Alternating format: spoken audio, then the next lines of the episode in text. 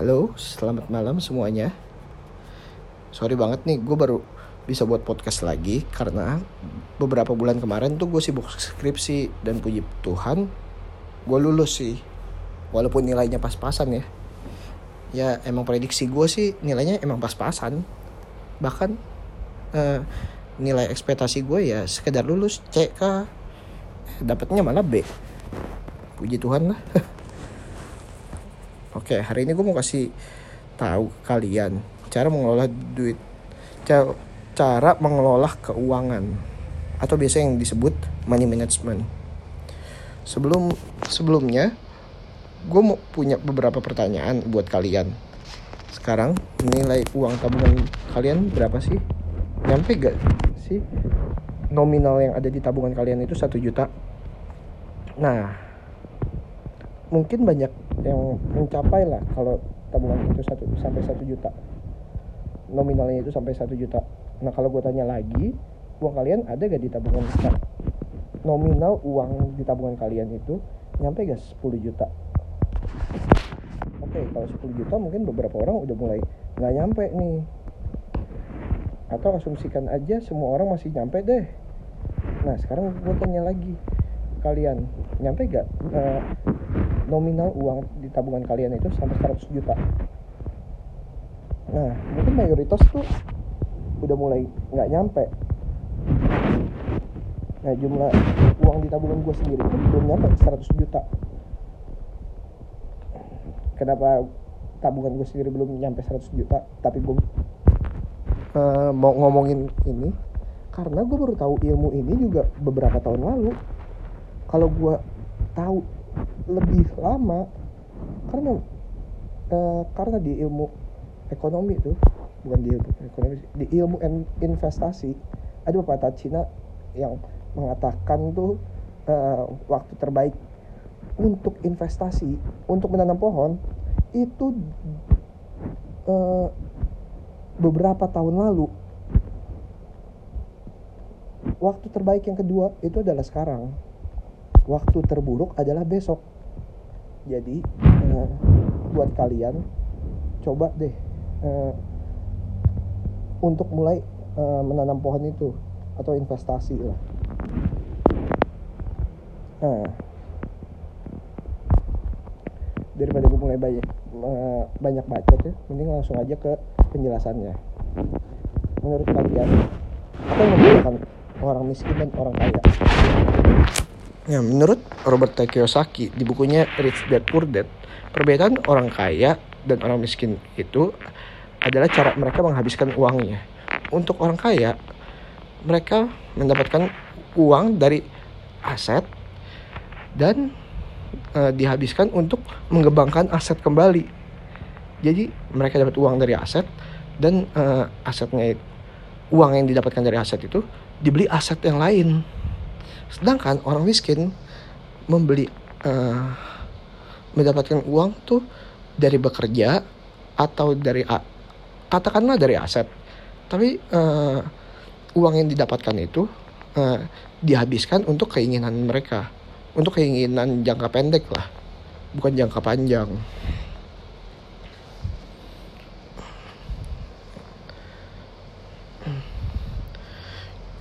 Nah, sekarang apa sih itu aset.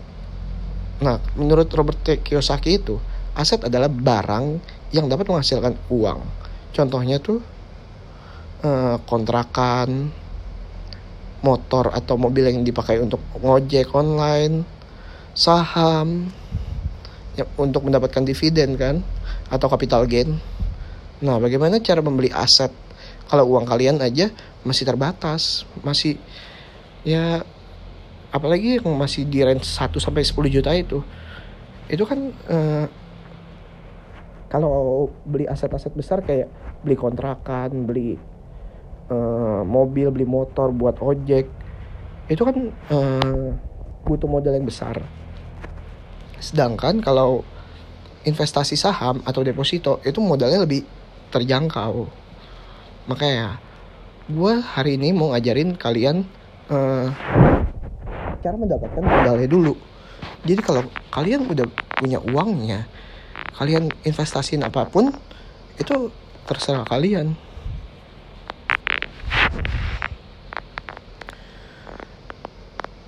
Nah ini yang mau gue ajarin ke kalian. Coba deh mulai hari ini segala uang yang uang yang masuk ke kalian uang entah itu dari uang jajan eh, gaji eh, hasil investasi 10% aja 10% aja kalian sisihin. Contohnya ya contohnya ya. Eh, misalkan kalian masih kuliah. Pasti kan dapat uang jajan dari orang tua kan? Nah katakanlah uang jajan kalian tuh 5 juta per bulan. Nah waktu dapat 5 juta dari uh, orang tua tersebut uh, kalian simpan 500 ribunya. Uang 500 ribunya ini nggak boleh dipakai. Jadi jumlah uang yang kalian boleh pakai hanya 4,5 juta. Ngerti gak? coba ya dengarkan baik-baik ya. Gue ulangin. Katakanlah kalian masih uh, kuliah. Kalian kan masih dapat uang jajan dari orang tua. Nah uang jajan yang kalian dapatkan itu let's say katakanlah 5 juta uang jajannya dari 5 juta itu kalian simpan 10 persennya 10 persen dari 5 juta kan 500 ribu jadi uang yang kalian boleh pakai hanya 4,5 juta. Nah terus uang 500 ribunya ini buat apa? Uang 500 ribunya ini wajib kalian simpan dulu. Kalian simpen, ya gue saranin sih uh, buat di beda tabungan ya, biar kalian bisa uh, komit dengan diri kalian sendiri.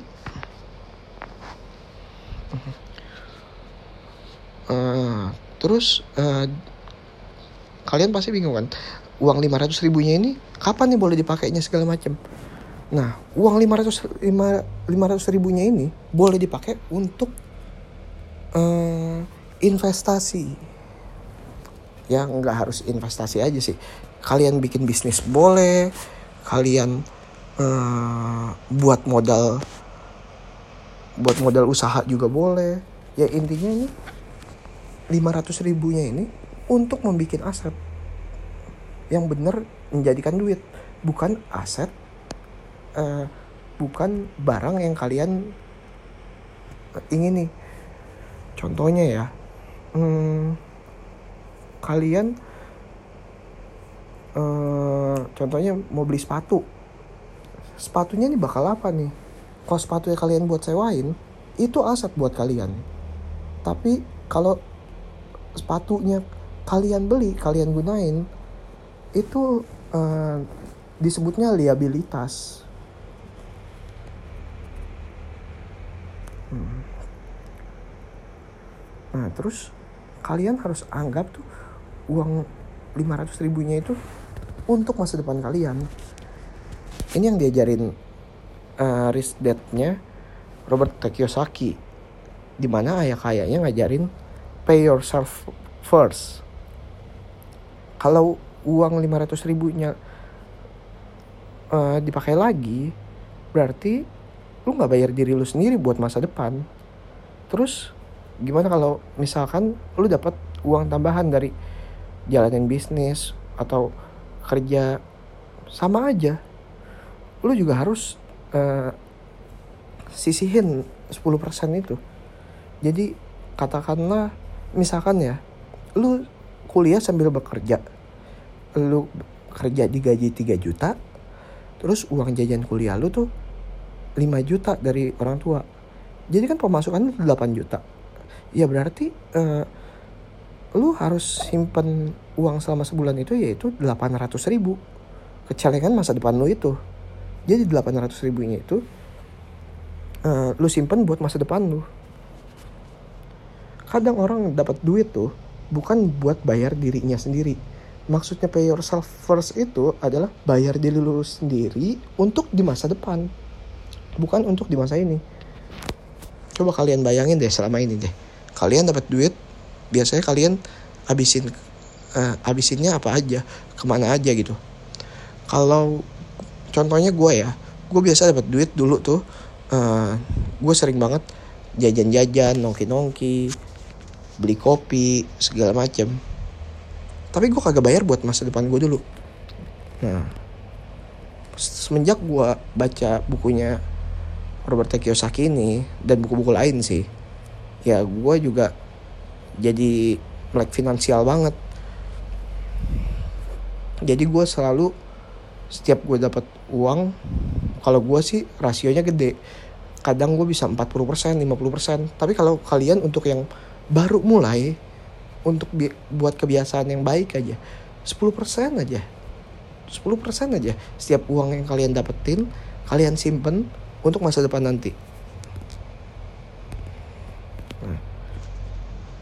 terus kenapa persenan untuk uang dari bonus atau THR lebih besar?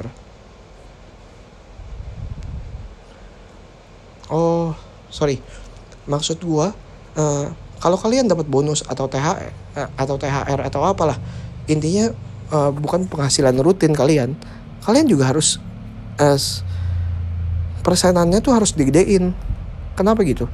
Karena gaya hidup kalian tuh uh, bukan uang yang diprak bukan gimana cara jelasinnya ya?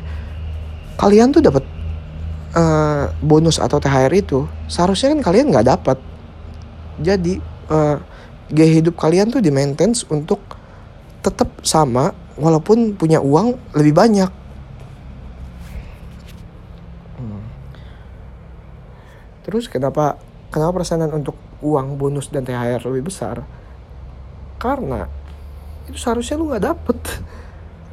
Lu pakai 50 persennya contoh lagi ya. Gue pakai contoh aja deh biar gampang deh. Misalkan karena gue etnis Tionghoa misalkan aja lagi imlek ya. Misalkan gue uang jajan 5 juta dari ortu.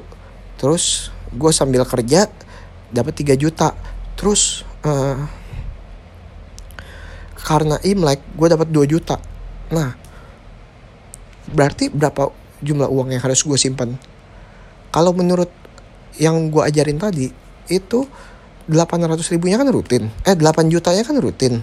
Tiap bulan gue dapat dari or orang tua dan uh, hasil kerja gue berarti itu uh, 800 ribunya itu udah wajib.